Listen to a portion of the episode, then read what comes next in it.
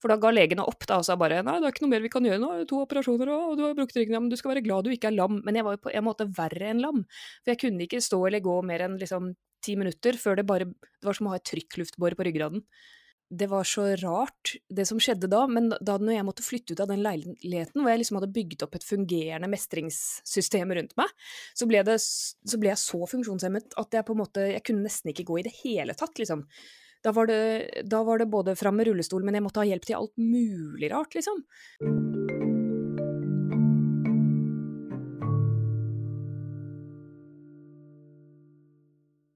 Velkommen til Også pasient en podkast om usynlig sykdom, laget av meg, Kine Albrigtsen. Da er vi klare for en ny episode av Også pasient, og ukas eh, tema er kroniske smerter. Og gjesten vår er Anna. Velkommen. Hei, hei. Så hyggelig. Først kan vi ikke ta og plassere deg litt? Kan du si noen ord om deg sjøl?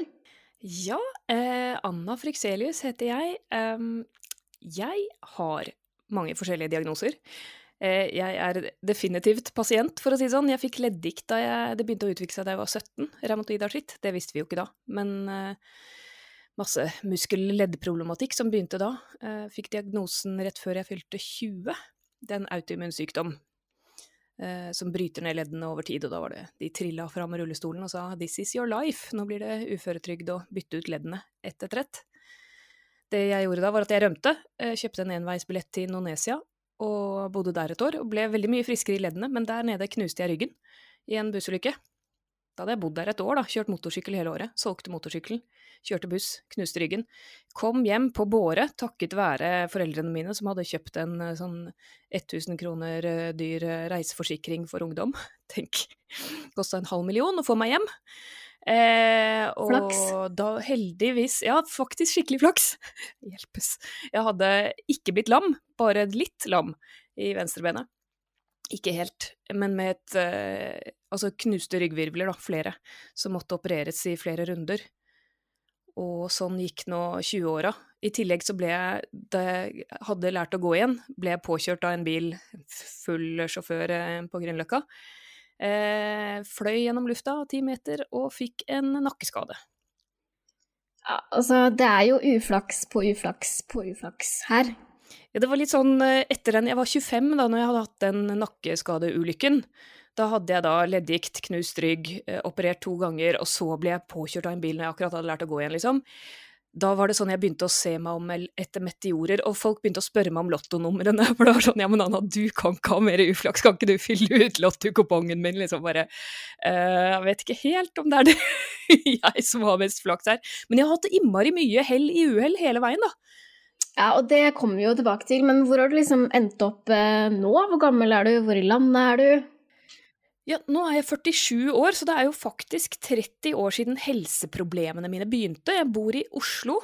Eh, jeg har eh, mann, Samuel, og to barn som er seks og åtte år gamle.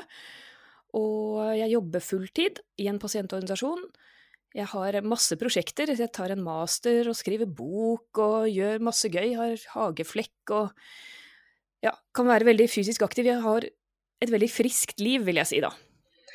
Og det er jo det som er liksom interessant også når det har gått eh, hva skal man si, ganske lang tid uten å fornærme, fornærme alderen. At det har liksom skjedd eh, mange ting. At det har liksom vært mange prosesser og mange ting som har skjedd, og så har det på en måte eh, utvikla seg. Um, og det vi skal snakke om i dag, er jo liksom primært kroniske smerter. Uh, men jeg vil jo tro at de tingene du har opplevd, da, um, revmatisme, få knust rygg, og bli påkjørt, er vondt, alle delene. Eh, og så vil jeg jo tro at det liksom setter seg. Kan du liksom si litt om hva kroniske smerter er for deg, på en måte? Hvordan det ser ut? Ja, for det første så tok det jo veldig lang tid før jeg egentlig fikk vite at det var kroniske smerter jeg hadde. For det, jeg fokuserte jo veldig på de ulike plagene. At det var sånn å, nå har jeg leddgikt, da må jeg få medisin, eller jeg må endre kosthold, eller jeg må gjøre noe som får bort betennelsen i leddene, ikke sant. Så jobba jeg med det, og så, og så knuste jeg ryggen, og da var det ok, jeg har vondt i ryggen, nå må jeg få hjelp til å gjøre et eller annet som fikser vondt i ryggen. Men jeg tror det hadde gått en seks års tid eller noe sånt før jeg møtte, det var en fysioterapeut og alle ting som sa ja, men Anna, du har jo kroniske smerter, du. Du er kronisk smertepasient. og først så ble jeg veldig trigga av det begrepet, for jeg, jeg, hadde ikke hørt det så mye. Men jeg var bare sånn Nei, men det er ikke det at jeg har kroniske smerter, jeg har jo brukket ryggen. Men etter hvert så lærte jeg da at uh, altså, smerter over tid endrer nervesystemet. Og det blir forsterkende, på en måte, når du har smerter i samme del av kroppen spesielt. Da. Hvis du har smerter pågående over flere måneder, så endrer det nervesystemet ditt og hjernen din på en måte som gjør at smertene blir sterkere og sterkere og tar over mer og mer og mer og mer av livet, og det er det som er kroniske smerter, da. Og da hjelper det ikke å behandle det opprinnelige problemet lenger, for det sitter fast i nervebanene. Ja, fordi det er jo veldig interessant, tenker jeg, at kroppen kan lære seg at ok, her gjør det vondt, så jeg bare sender det signalet om at det gjør vondt hele tiden, og så fortsetter det å gjøre vondt, og at liksom det å behandle det egentlige problemet nødvendigvis ikke hjelper, da. Det tar ikke nødvendigvis bort smerten, nei. Og det, og det er ganske ny smerteforskning og, og, hjerneforskning, faktisk, som viser det her. Så når jeg først ble sjuk, så visste man jo ikke om det. Det tok ganske lang tid ikke sant, før jeg traff noen som kunne noe om det, og ikke at jeg oppsøkte det heller. Det, det var bare, Jeg hadde veldig mye vondt måtte ta mye smertestillende, og så plutselig sier legen at du kan ikke ta så mye smertestillende, ok, hva annet skal jeg gjøre da? Nei, det vet vi ikke, liksom. Det, Eh, det var jo på en måte ikke noen løsninger å få, da. Så, og så fikk jeg faktisk operert ryggen vellykket. Den tredje ryggoperasjonen var vellykket, så da ble jeg kvitt på en måte de akutte, sterke, daglige smertene. Hva betyr det, på en måte? At den var uh, vellykka? Var, var den liksom mislykka de første gangene, eller hvordan gikk det? Ja, det var Så jeg hadde de, Deler av ryggraden var jo knust, og så først så åpna de opp og sagde bort og fjerna masse deler, og så satte de inn noen skruer som skulle liksom avlaste. Eh, og så etter ett år så løsna de skruene, så da bare opererte de igjen og tok de ut. Og når jeg da skulle reise meg opp og prøve å gå for første gang etter den andre operasjonen, så kom liksom vekten av kroppen min kom jo for første gang på den knuste ryggen, for skivene var også knuste. Og det var så sinnssykt vondt. Det var liksom bare helt infernalsk vondt, og det hadde jeg da i, var det sju år? Infernalsk vondt hver eneste dag.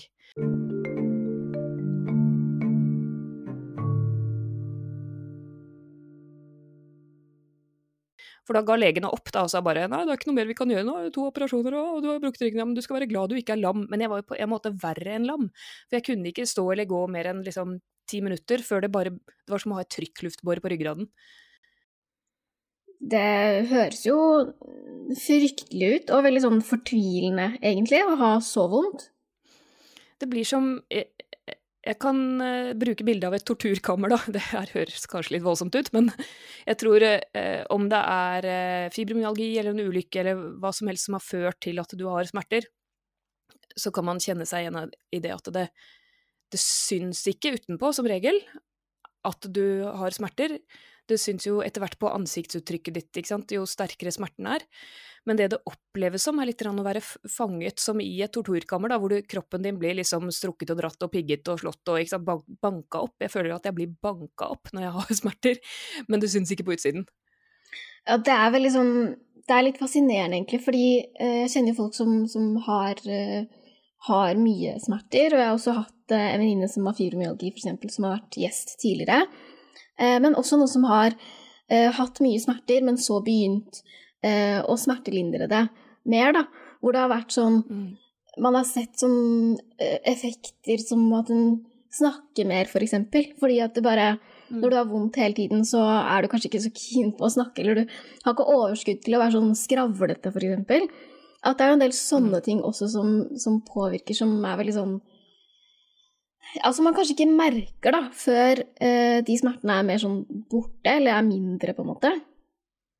Mm. Det blir jo veldig en sånn overlevelses... Du blir fanget i en sånn slags overlevelsesloop. Du må bare klare den dagen med de smertene, på en måte. Og så er det mange som tror at ja, men jeg får høyere og høyere smerteterskel fordi jeg liksom venner meg til det på en eller annen måte. Men egentlig så er det litt motsatt, da. At du, ja, du blir kanskje flinkere og flinkere til å leve med konstante smerter, men som sagt blir nervebanene dine og hjernen din blir flinkere og flinkere til å overføre smerter, så det samme smerteinput-signalet gir deg sterkere og sterkere smerte.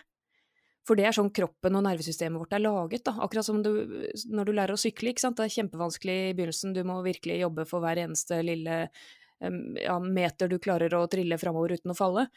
Eh, i begynnelsen når du har f.eks. du skader kneet, da, hvis jeg slår kneet på noe skarpt, så gjør det veldig vondt, første dunk, og så au, og blåmerke og så videre. Hvis jeg slår kneet på akkurat samme sted neste dag, så gjør det enda vondere, fordi det er allerede ømt der. Og hvis du da fortsetter å slå kneet på noe skarpt hver eneste dag i en måned, da trenger du ikke slå på kne engang, du kan nesten bare se på det, eller liksom buksa kommer så vidt borti, så gjør det kjempevondt. Det er fordi nervene som går da fra kneet opp til hjernen, de har blitt høysensitive. Ja, de er mer vant til, å, til at det gjør vondt der, på en måte. Ja, det er nesten som det bygges ut at de bytter til fiber, holdt jeg på å si, fra et sånt modem eh, oppringningsmodem med, jeg vet ikke, 16 kilobatt, eh, nei, kilobyte uh, connection, og så har du plutselig fått super uh, 4 gigabyte et eller annet fiberoptisk kabel, sånn at selve nervebanen da, har blitt mer effektiv på å overføre smertesignaler, og da trengs det mindre smerteinput for å, å gi sterk opplevd smerte. Det ligner jo litt på Mange ganger så snakker jeg f.eks. om, om ja, mønsteret, da. Enten det er liksom å ha en spiseforstyrrelse eller være selvdestruktiv eller et eller annet sånt, at man lager en slags E18 i hjernen. At du er så vant til å gjøre det at det bare skjer mer og mer, og det er lettere og lettere da. Og at det selvfølgelig er vanskeligere å få til noe annet, som blir å gå liksom ut i en sti med masse kratt og masse greier, liksom, så er det på en måte mye vanskeligere da, enn å bare gjøre mer av det man er vant til, på en måte. Ja, og det blir jo automatisert, ikke sant? akkurat på samme måten. Og da kommer man jo også til det, den emosjonelle delen av smerten, da, som jo også er en stor del av det. For hvis det å ha vondt, for eksempel som jeg hadde da, sterk smerte i ryggen, um, det er på en måte et kroppslig Det begynte som et kroppslig signal som sender beskjed til hjernen ops, ops, fare, fare. Da er det liksom som alarmen går på, da. Og jeg kan nesten tenke meg at det er som en brannalarm som liksom begynner å virkelig bråke kjempehøyt, og lamper som lyser. Så det tar over nesten 90% av hjernekapasiteten min, ikke sant. Bare oi, alarmen går, nå har jeg vondt. Og, og da, det drar i gang en fryktrespons, for det skal det. Altså smerte skal dra i gang en fryktrespons for å beskytte kroppen. Problemet er jo når du har den på hele tiden. Da er du fanget i en sånn frykt-feedback-loop, da. Hvor litt grann smerte drar i gang den alarmberedskapen som setter deg i sånn fight or flight-mode, som gjør at du puster grunnere, at du, du, sant, du får dårligere fordøyelse, du, ja, du blir veldig urolig, da. Og da, mer, da, kjenner du mer etterpå smerten også. Det er noe kroppen gjør av seg selv. Så når du først får smerte, så prøver kroppen å analysere det. Hva er det som gjør vondt, hvorfor gjør det vondt, er det noe som er farlig, må jeg forandre noen ting? Helt greit hvis det er noe akutt, som du har brent deg på hånden ved å ta på noe varmt.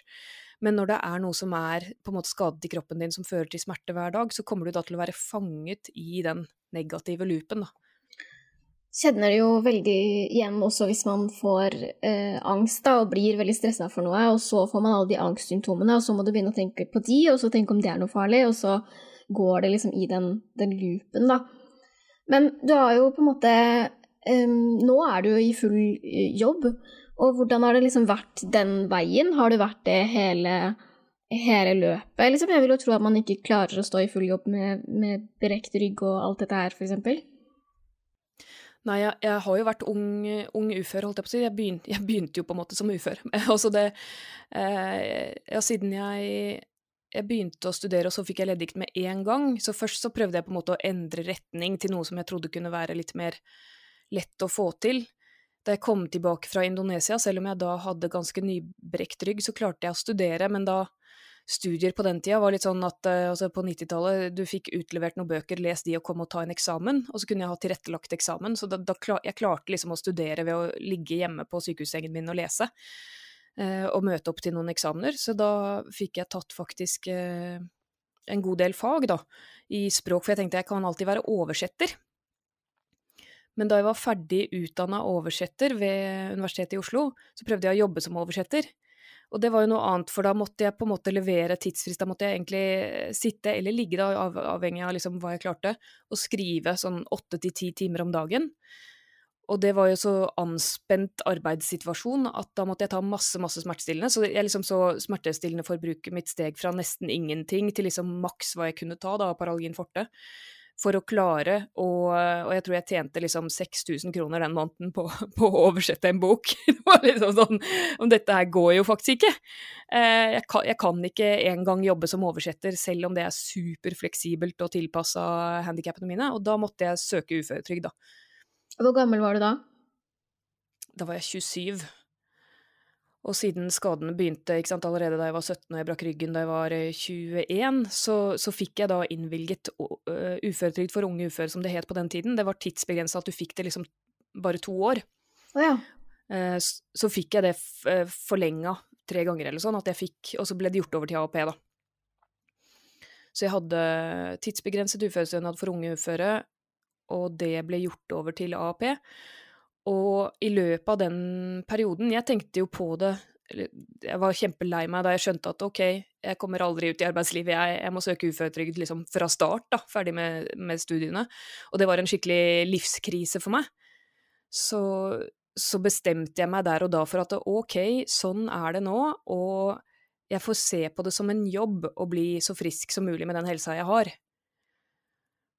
Og ta det derfra. Eh, jeg kan ha et godt liv allikevel. Og da så jeg på det som en jobb, og det tok meg vel en seks år å både lære å leve med det, og så begynne å, å, snu det til der hvor jeg kunne yte noe tilbake. Så tok jeg Jeg begynte å bli aktiv frivillig. Da bodde jeg i Sverige, der jeg traff mannen min. Var jeg aktiv i en musikkfestival, i Arvikafestivalen. Og, og der, gjennom det så fikk jeg tilbud om en deltidsjobb, som ble en heltidsjobb som var kjempelavt betalt, da, men det var, det var, jo så fantastisk at de ville ha meg. Mm. Så jeg var bare helt sånn over the moon, lykkelig for at noen jeg, jeg, prøvde å si til dem da, i det styret som ville ansette meg, bare Men dere vet at jeg har knust ryggen, er ufør, har leddgikt og liksom Dere vet at jeg er handikappa, liksom. Ja, hva sa de da? På en Ja, vi hører du sier det, sa de. Vi hører du sier det, men vi ser at du har masse å tilby. Så, um, så det var på en måte Det var vettaskremmende, for jeg hadde jo aldri hatt noen sånne forventninger på meg. Og, og dette var et slags sånn lederansvar med å lede et team, da. Eh, et prosjektlederteam. Å gjøre det gjennom et helt år. Det var kjempeskummelt. Men samtidig så var det såpass dårlig betalt, holdt jeg på å si. Og det var liksom et, noen, noen skritt opp fra å være frivillig i det samme miljøet. Så jeg tenkte ja, men det her må da bare være bra. Så jeg sa fra til Nav at nå prøver jeg dette, liksom. Og så fikk jeg liksom ikke noe Jeg fikk jo ikke noe kontakt med Nav på den tiden, men, men jeg, jeg, prøvde det. Og det ledet da til masse betalte oppdrag. Og så skrev jeg jo bok, og fikk stipend fra Fritt Ord, og begynte å holde foredrag og tjente penger på det. Ja, hva skrev du bok om? Boka mi heter Kronisk. og den handler jo om min pasientreise, og den fikk stipend fra Fritt Ord også fordi den ble sett på som samfunnsrelevant, for det handlet om hvordan man blir ung ufør, på en måte. Altså, det var så mye negativt snakk om unge uføre, og at eh, de unge uføre velter velferdsstaten, og alt på en måte var vår feil. Og jeg ville fortelle hvordan vi blir uføre fordi vi ikke får hjelp mm. til å fungere med den helsa vi har. Altså hvor uføretrygd er på en måte det eneste eh, det, en, det eneste naturlige outcomet, da, fordi vi får ikke hjelp i helsetjenesten, ikke sant. Mm. Så det, det handla boka om, og etter det så ble det en prosjektstilling i Norsk Grammatikkforbund, og den ble stadig større og større til den ble 100% så ble det en lederstilling i Norsk Grammatikkforbund, så nå er jeg fagsjef i Norsk Grammatikkforbund og tar en master ved siden av på 50% i styring og ledelse, og skriver bok nummer to.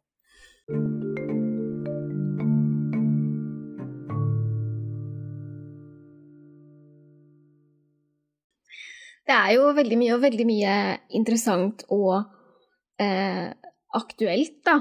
Um, men hvordan har det vært, liksom? Fordi jeg er jo eh, ung ufør og, og, sliter på en måte litt med å akseptere den situasjonen. Eh, både fordi at jeg vil mye mer enn jeg orker, som er kjipt i utgangspunktet.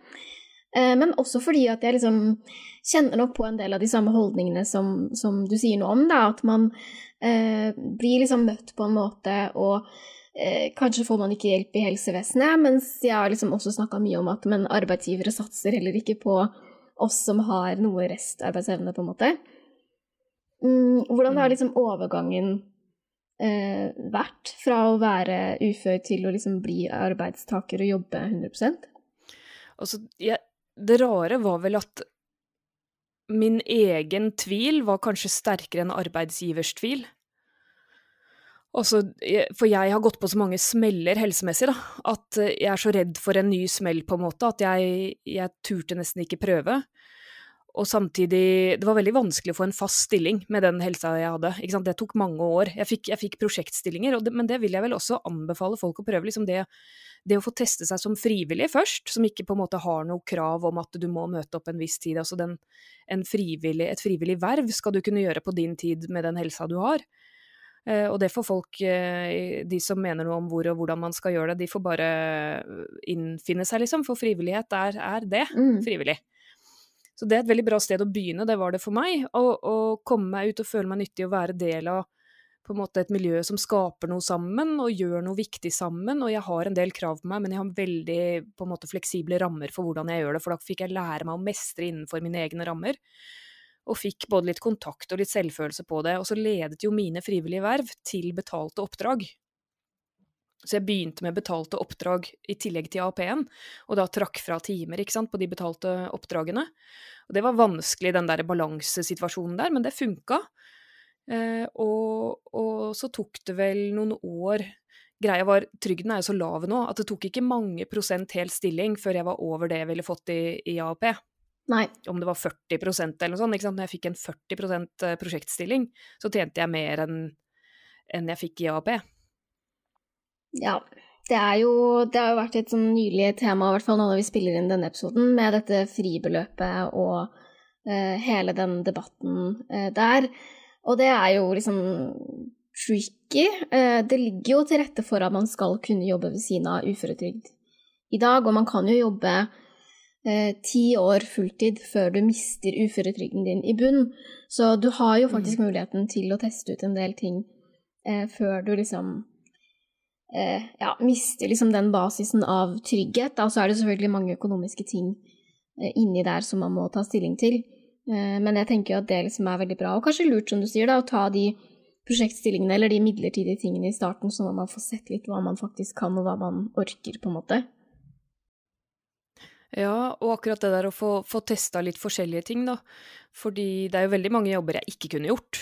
Um, sånn type jobbe i butikk eller møte opp et sted hvor du må stå på, på et hardt gulv og kanskje løfte ting og, og eh, fungere på en måte optimalt fysisk i om det er åtte timer om dagen, liksom. det, det, funker ikke med min ryggskade, da.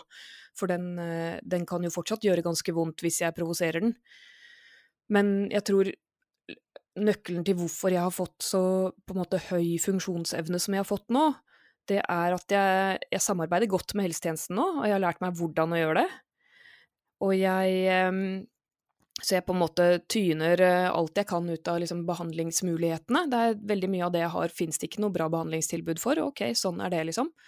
Men, men jeg får det jeg kan, da, av, av, behandling. Men i tillegg så gjør jeg alt jeg selv kan for å fungere så bra som mulig, og det har jeg bygget opp over tid, et sånt slags mestringssystem, da, om en verktøykasse med, med, verktøy både for smertereduksjon og å redusere betennelse, som er en stor del av mitt eh, ja, generelle helsebilde da, med leddgikten.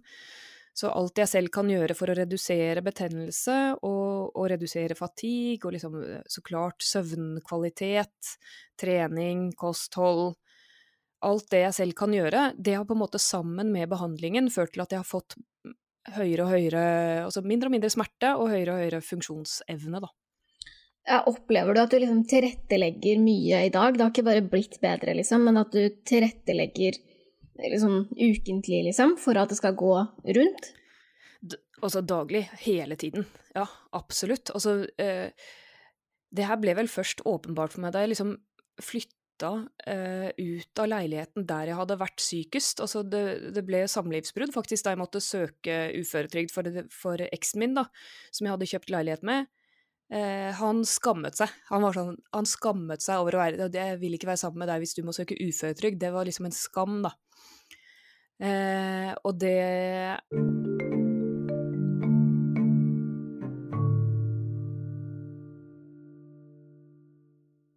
det var så rart, det som skjedde da. Men da når jeg måtte flytte ut av den leiligheten, hvor jeg liksom hadde bygd opp et fungerende mestringssystem rundt meg, så ble, det, så ble, jeg så funksjonshemmet at jeg på en måte Jeg kunne nesten ikke gå i det hele tatt, liksom.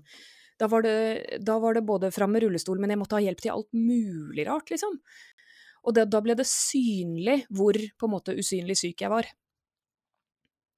Og sånn er det vel egentlig nå også, at jeg har bygget en, jeg har bygget en livsstil, da. Med en veldig enkel, praktisk leilighet, med liksom en hverdag som er veldig ja, praktisk og effektiv og smart, på en måte. Og hjelpemidler hjemme, alt som er både seng spesial, overmadrass spesial, sko, forskjellige hjelpemidler, sitteputer, liksom alt mulig rart, da, i tillegg til den medisinske behandlingen og den eh, sånn kiropraktor-fysioterapeutbehandling som jeg går til òg. Så alt er jo masse mestring og ja, ja altså det kan hende det hadde sett helt annerledes ut hvis du hadde liksom blitt putta inn i noen andre sin hverdag, så hadde du tenkt at oi, shit, her var det mange ting som, som ikke var tilrettelagt, på en måte. Ah, da hadde det kanskje gått tre dager, så hadde jeg krasja av kjempesmerter. Mest, jeg, altså, jeg skal ikke late som jeg vet, men jeg kan se det for meg, da. Ja, nei, heldigvis så slipper vi å drive, drive med det, da. Og ta over andres hverdag helt ut av det blå.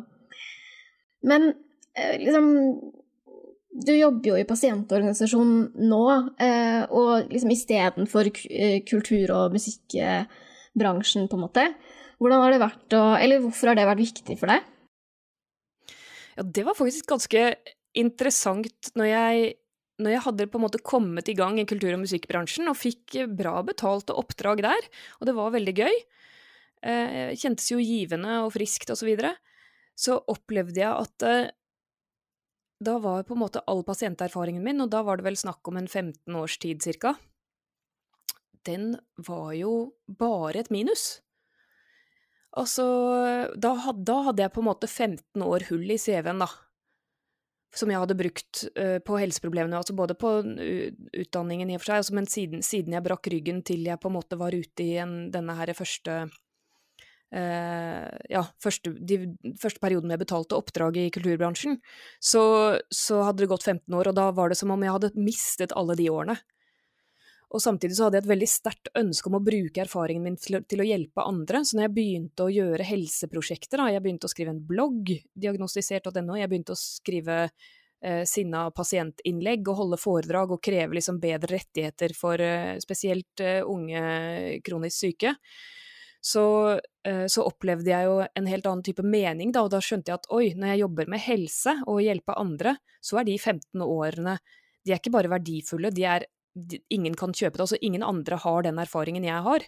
Den kan ikke, den kan ikke tas på postordre, den kan ikke tas på universitetet, den kan ikke bestilles for penger, ikke sant, ikke for noen sum. Den erfaringen jeg har, er mer enn gull verdt. Så det føltes rett og slett som det å jobbe med helse og jobbe med å hjelpe andre, det er så verdifullt, da. Ja, og det er jo liksom interessant at de åra var på en måte, ja, hull i CV-en, som du sier, da, mens at nå så kommer de jo mye bedre til nytte. Um, men hvordan har det vært? Fordi det er jo Vi hører jo mange som, som snakker om at systemet er vanskelig, og det er komplisert. Det er, liksom, det er komplekse systemer, det er vanskelig å vite hva man har krav på. Hvordan har det liksom vært å å jobbe for å, for å, få noen bedre ordninger, da, eller for at vi skal bli hørt, liksom, den gruppa som du jo har vært og er en del av? Ja, og så før så var jeg en sånn der eh, ensom, uh, sinna stemme. Uh, på en måte som ja, pasientblogger, aktivist som som eh, jeg møtte opp på forskjellige helsekonferanser og satt med plakat i salen og, og hekla på helseministeren og så videre. Det bare det, Ja, det gjorde jeg! Arbeidsministeren var det vel faktisk, ja. Eh, så eh, å si sånne hissige ting som eh, eh inkluderer oss uføre og jeg vil også jobbe og ditt og datt. Så ja, så skjønte jeg gradvis at hva en person kan gjøre alene. Det, ja ja, du kan få liksom et blaff av oppmerksomhet, på en måte, ja, og det kjennes kanskje kult der og da, men det er jo gjennom systematisk samarbeid, og det vil si gjennom pasientorganisasjoner, som vi kan virkelig gjøre en varig forskjell. Så tok det en stund, da, for jeg var veldig antipasientorganisasjon før. Og jeg skjønte ikke hva, hva skal vi med det, liksom, og det er bare en klageklubb. Sånn føltes det for meg da da jeg var uh, nysyk og ganske mange år inn i Jeg ville ikke Jeg, jeg lukta vel så vidt på om det var både Revmatikerforbundet og Foreningen for kronisk smertepasienter, litt sånne, sånne forskjellige organisasjoner og kjente bare Ja, men ærlig talt, de bare klager, liksom. De bare snakker om hvor ille de har det. Kos med misnøye. Da skjønte jeg ikke ja, ja, ikke sant. Og det er ja, klageklubb, da. Det er på en måte Jeg tror det er det bildet veldig mange vil at vi skal ha av pasientforeninger. Men det pasientforeninger egentlig gjør, ja, det er hjelp til selvhjelp. Altså de, de, yter faktisk hjelp. De har likepersonsordning, som er en veiledningstjeneste med erfarne pasienter som hjelper nye pasienter. Veldig viktig. Det er et samfunnsoppdrag pasientorganisasjonene har. Men det viktigste de gjør, er å slåss for rettigheter. Og en organisasjon har en helt annen gjennomslagskraft når det kommer til å påvirke myndigheter og helse, helsevesen og, og trygde, trygdeapparat, enn hva enkeltpersoner har. Sånn at ved å Man bør, alle bør melde seg inn i en eller annen pasientorganisasjon som er noe som helst tilnærma det, de, det de eh, har, og gjerne en av de større Ikke for å være dum, men på en måte hvis vi er splitta opp i 300 forskjellige småorganisasjoner, så har vi ikke samme kraften som når vi på en måte jobber sammen i litt større grupperinger som er litt sånn overdiagnoseorganisasjoner, da. Man vil veldig gjerne ha den sosiale kontakten og få snakke med folk som har akkurat sin diagnose, og det kan være kjempenyttig. Men når det gjelder rettighetskamp, så må vi se større enn det.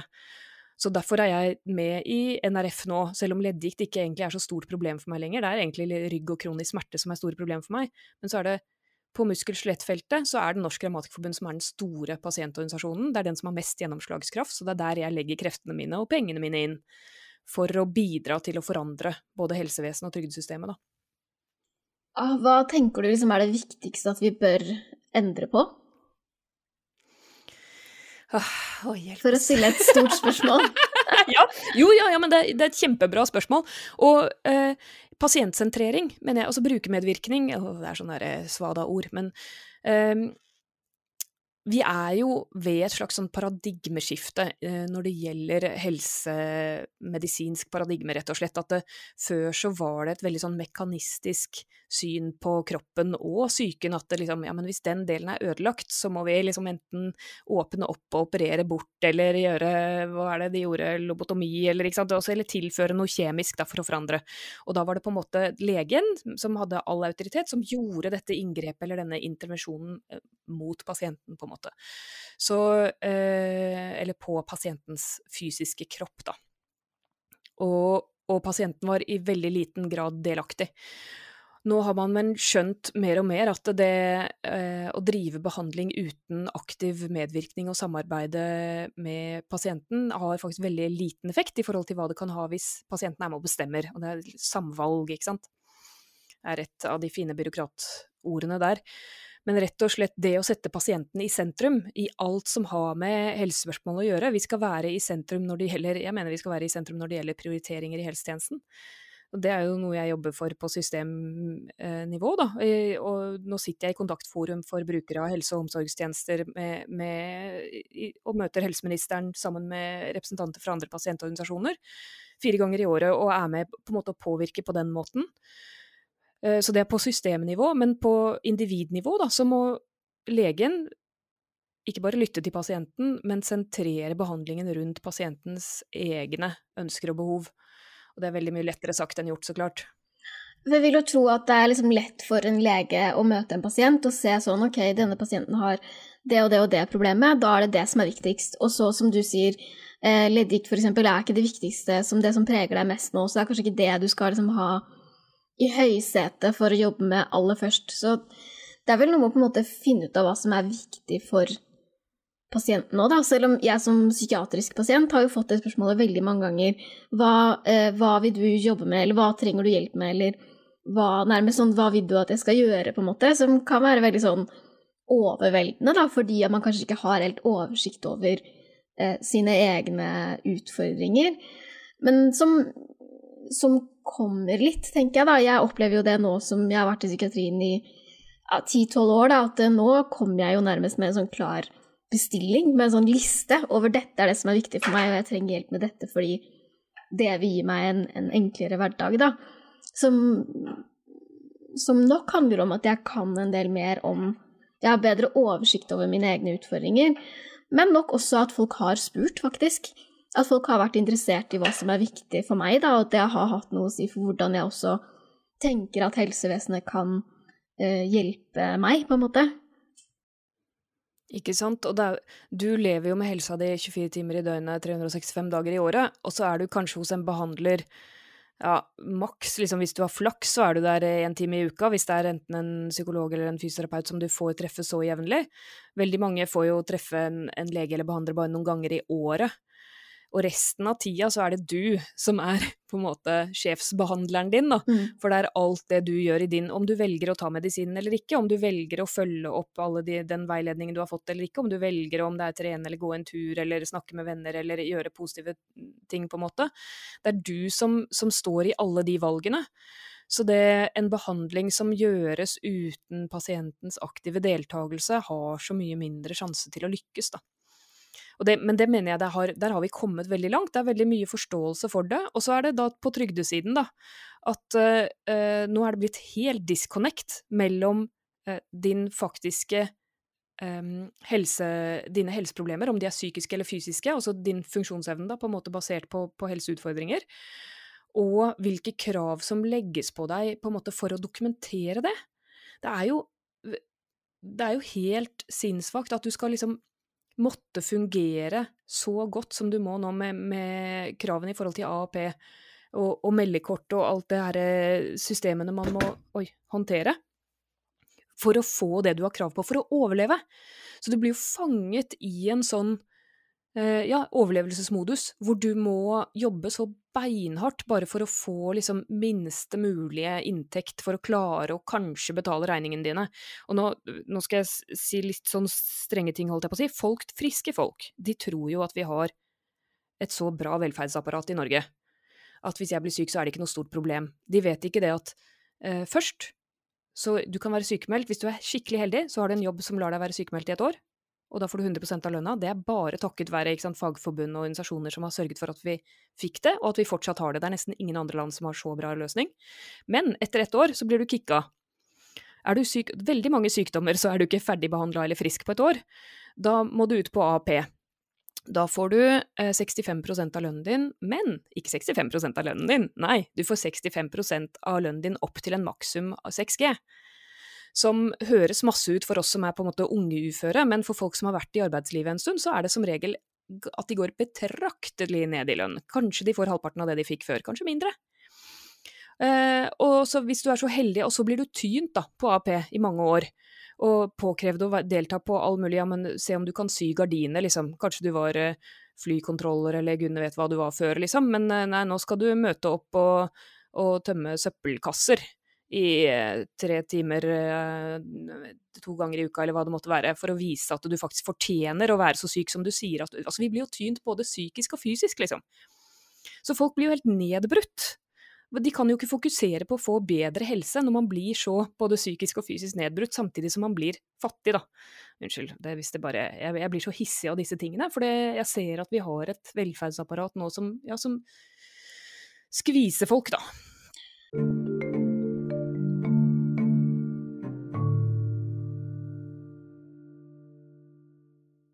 Jeg skrev en kronikk eh, tidlig i pandemien som heter eh, 'Endelig er flere enn navere'.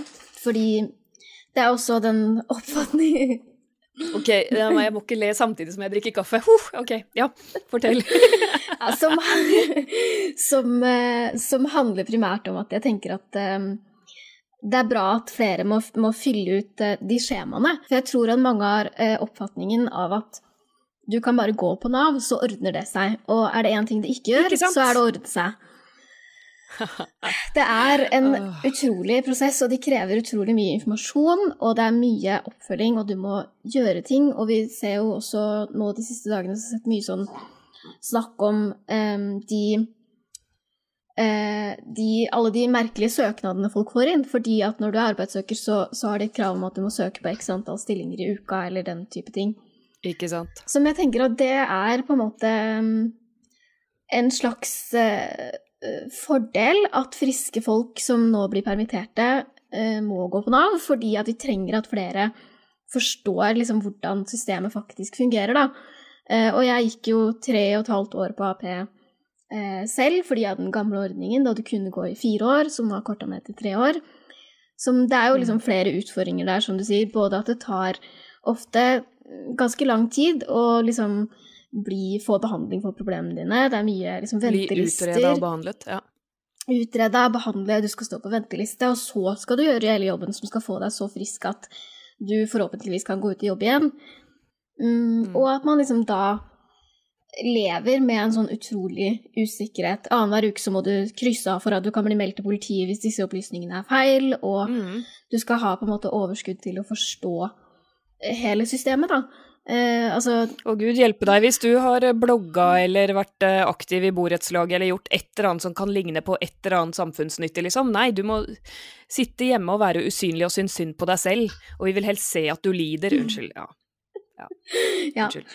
Nei, det er, lov, det er lov å si. Og der tenker jeg jo at vi har en veldig lang vei å gå da, for å få det systemet til å Jeg vet ikke om tillitsbasert er riktig ord, det vet du kanskje mer om enn en meg, men at man ikke blir så eh, by default mistrodd, da. Ikke sant. Ja. Ja, jeg vet ikke hva det skal hete og hvordan de skal få det til, men her tror jeg også vi trenger pasientstemmer frem. Da. Det er så skambelagt fortsatt. Eh, og der har jo da pasientorganisasjoner igjen en kjempeviktig rolle. Det er, det er flott med alle enkeltindivider som orker å stå fram, og jeg gjorde også det liksom først, da. Som en enkeltindivid eh, tørre å, å stå fram og dele sin historie, og du får masse på en måte både positive og negative eh, tilbakemeldinger på det. Men så så er det det at vi sammen liksom organisert jobber mot det politiske apparatet og sier hei, vi kan ikke ha det sånn. Dette er, ikke, dette er verken bra behandling av, mennesker eller, eller, bra samfunnsøkonomi.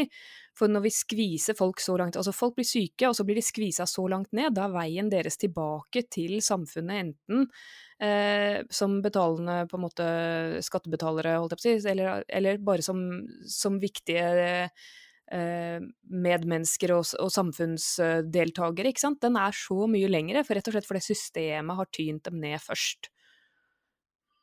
Det er jo også noe med den utrolige uforutsigbarheten, i hvert fall syns jeg, da, at det er liksom slitsomt å ikke vite hvor lenge man får AAP, hvor mye penger får man, kan man betale regninger, hvordan At hele den situasjonen er jo, som du sier, usikker. Eh, liksom Den vil være usikker uansett, fordi man ikke vet helt hvordan det blir, da, fordi man er i et forløp som skal liksom føre til bedring eller en jobb eller eh, uføretrygd, at det er liksom et mål der, men at man hele tiden er i en i en prosess, da, på en måte, mens alt det foregår. At man ikke trenger mer belastning enn en nødvendig, rett og slett. Og det er jo stort sett ingen som liksom begynner en sykdomsprosess og vet hvor den ender. Altså det eh, Ja. De, de, aller fleste Det begynner jo med et og annet symptom, på en måte. Eh, et eller annet helseproblem. Kanskje hvis det er noe dramatisk som, som starter det hele, om det er et sammenbrudd eller en ulykke, liksom at du har en, en dramatisk event som trigger noe, så tror du jo også at ok, nå skal jeg nå har dette skjedd med meg, med, med, kroppen min eller psyken min, og jeg har gått, fått denne krisen, da, fysisk eller psykisk krise, som, som, jeg må få hjelp til å løse, og så skal jeg liksom tilbake til sånn det var før. Men eh, veldig mange opplever da at ja, men det blir jo ikke det samme som det var før. Det, det, er en prosess i seg selv. Jeg husker de snakket om sorgprosessen da jeg brakk ryggen, at ja, men nå kommer du til å gå gjennom disse trinnene, liksom. Og jeg bare fuck no, jeg, hallo! jeg har akseptert dette, jeg er klar til å gå videre, liksom. Men det tok, det tok meg jo mange år å gå gjennom den på en måte mentale prosessen og akseptere at livet hadde blitt annerledes. Og når jeg snakker med folk som er nysyke nå, så ser jeg jo det, ja, så klart det. Vi begynner der hvor vi tror at hvis jeg bare får løst, hvis jeg bare får den pillen, eller får treffe den legen, eller får den operasjonen, eller får den, ikke sant, den lille opplevelsen Hvis jeg bare får meg kjæreste, ikke sant, hvis bare den og den tingen faller på plass, så er livet mitt greit. Men det er ikke sånn. Som regel, da. Uh, og da, da, må man på en måte få gå den prosessen, og få ro til den prosessen. Det får man ikke, sånn verken helsetjenesten eller trygdeapparatet er bygd opp i dag. Man må man må rett og slett få litt ro til å fokusere på sin egen helse for å kunne bli så frisk som mulig. Og det, det er det ikke tilrettelagt for, altså. Jeg tenker at det er veldig viktig det du sier der, da. Og så må vi jo på en måte forholde oss til det likevel. fordi selv om det ikke er optimalt eh, lagt opp, så, så, må vi jo liksom Vi må jo forholde oss til det. Er det liksom noe du Det er det det er. Ja, er det noe du tenker at Når vi har liksom snakka sammen før, og er det noe du tenker at oh, det her er liksom viktig at folk vet? Hmm. Ja, eh, vi har jo dekket en del. Det aller, aller viktigste du som pasient selv kan gjøre, da, det, det, er å komme ut av på en måte den mirakel sånn Det skal komme et mirakel som kurerer meg, på fasen.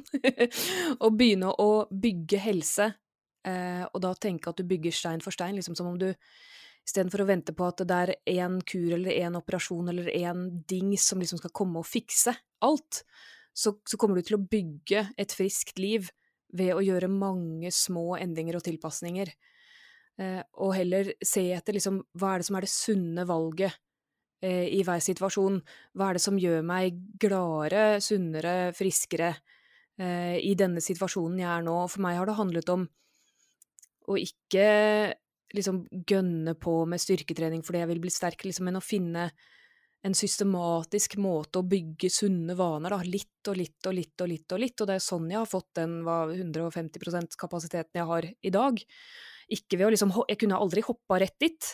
Jeg har bygget opp liksom 10% av gangen maks, da. Eller kanskje 5, ikke sant. Eh, så har det gått uh, over flere år, da, for min del. Men, men det å få, ja, få bygge seg opp gradvis, rett og slett. Jeg tenker at det er viktig at man, ja, som du sier, ikke hopper i det, da. Fordi det kan jo Jeg har en tendens til å være litt sånn at jeg vil så mye, og så vil jeg bare at det skal funke, så jeg bare gjør det fordi at jeg kan liksom få det til å funke for en periode, og så funker det jo ikke lenger, da. Eller at jeg klarer det, men ingenting annet, som, som også er liksom feilslått bilde av hva som er å, å klare det, da. Som jeg har måttet justere ganske mye, i hvert fall. Ikke sant.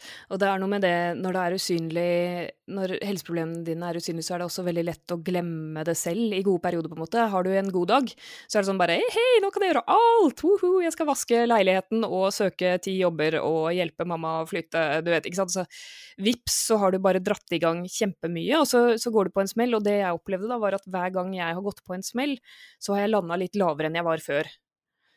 Og da blir det liksom en sånn nedadgående spiral. Og hvis du kobler det for å koble tilbake til det vi snakket om, altså min hoveddiagnose på en måte, kroniske smerter, som jo er eh, forsterkende over tid, så ble jo da helseproblemene faktisk verre og verre hver gang jeg gikk på en smell, da.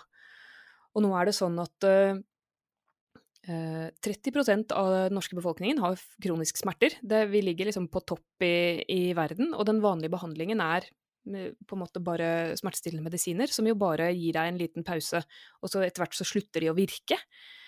Og før så trodde man hele tiden at det var da en eller annen ja, har du vondt i ryggen, da må du ha en eller annen operasjon, eller ikke sant, må, et eller annet må fikses i kroppen din.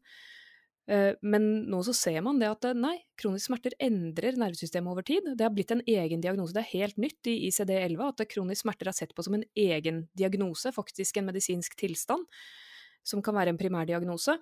Og for å endre den, så må man jobbe helhetlig, da. Det er ingen medisin som kan fikse det. Det er på en måte pasienten selv sammen med gode behandlere, da, som kan, som kan snu en sånn type sammensatt uh, helseproblematikk. Jo, du sier jo liksom mye om det der med å bygge en, en hverdag, og at det er liksom veldig mange små prosesser over tid da, som tar lang tid og mye energi, og du må liksom prøve å finne ut av hva som funker og hva som ikke funker. Men når det har liksom gått så mange år, hva har gjort at du ikke har gitt opp? At du har fortsatt å prøve forskjellige ting, da? Jeg tror eh, Takk for det spørsmålet. Det, det, er et veldig interessant spørsmål.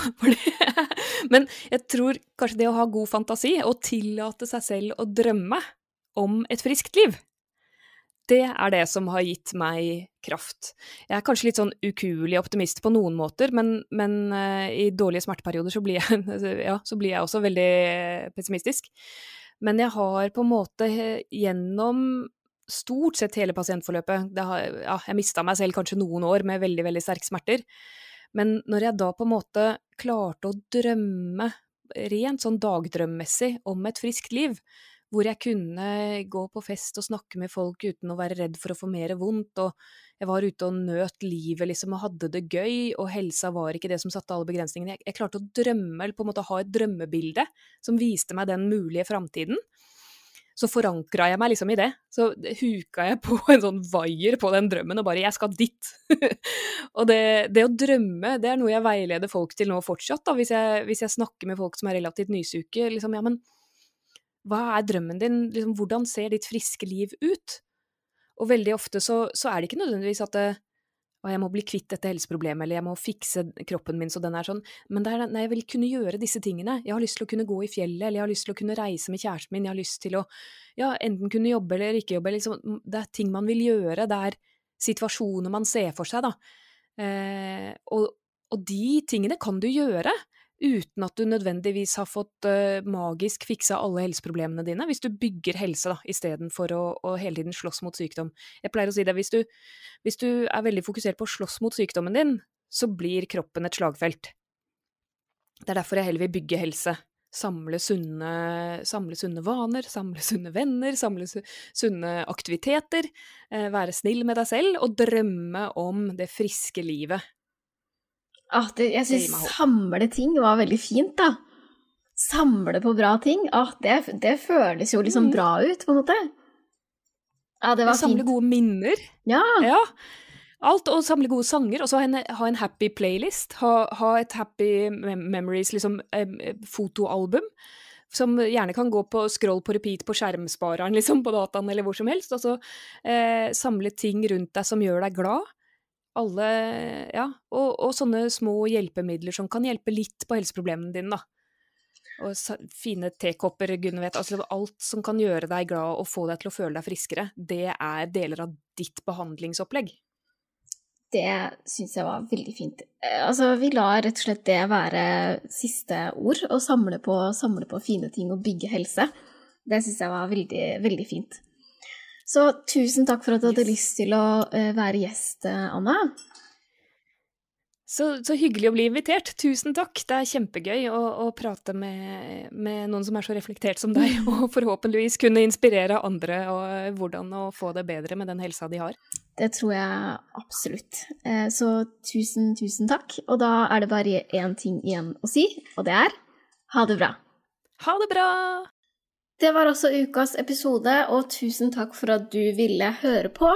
Hvis du har lyst til å støtte jobben jeg gjør, så gjør du det veldig enkelt ved å like Instagram-postene mine, fortell det til en venn.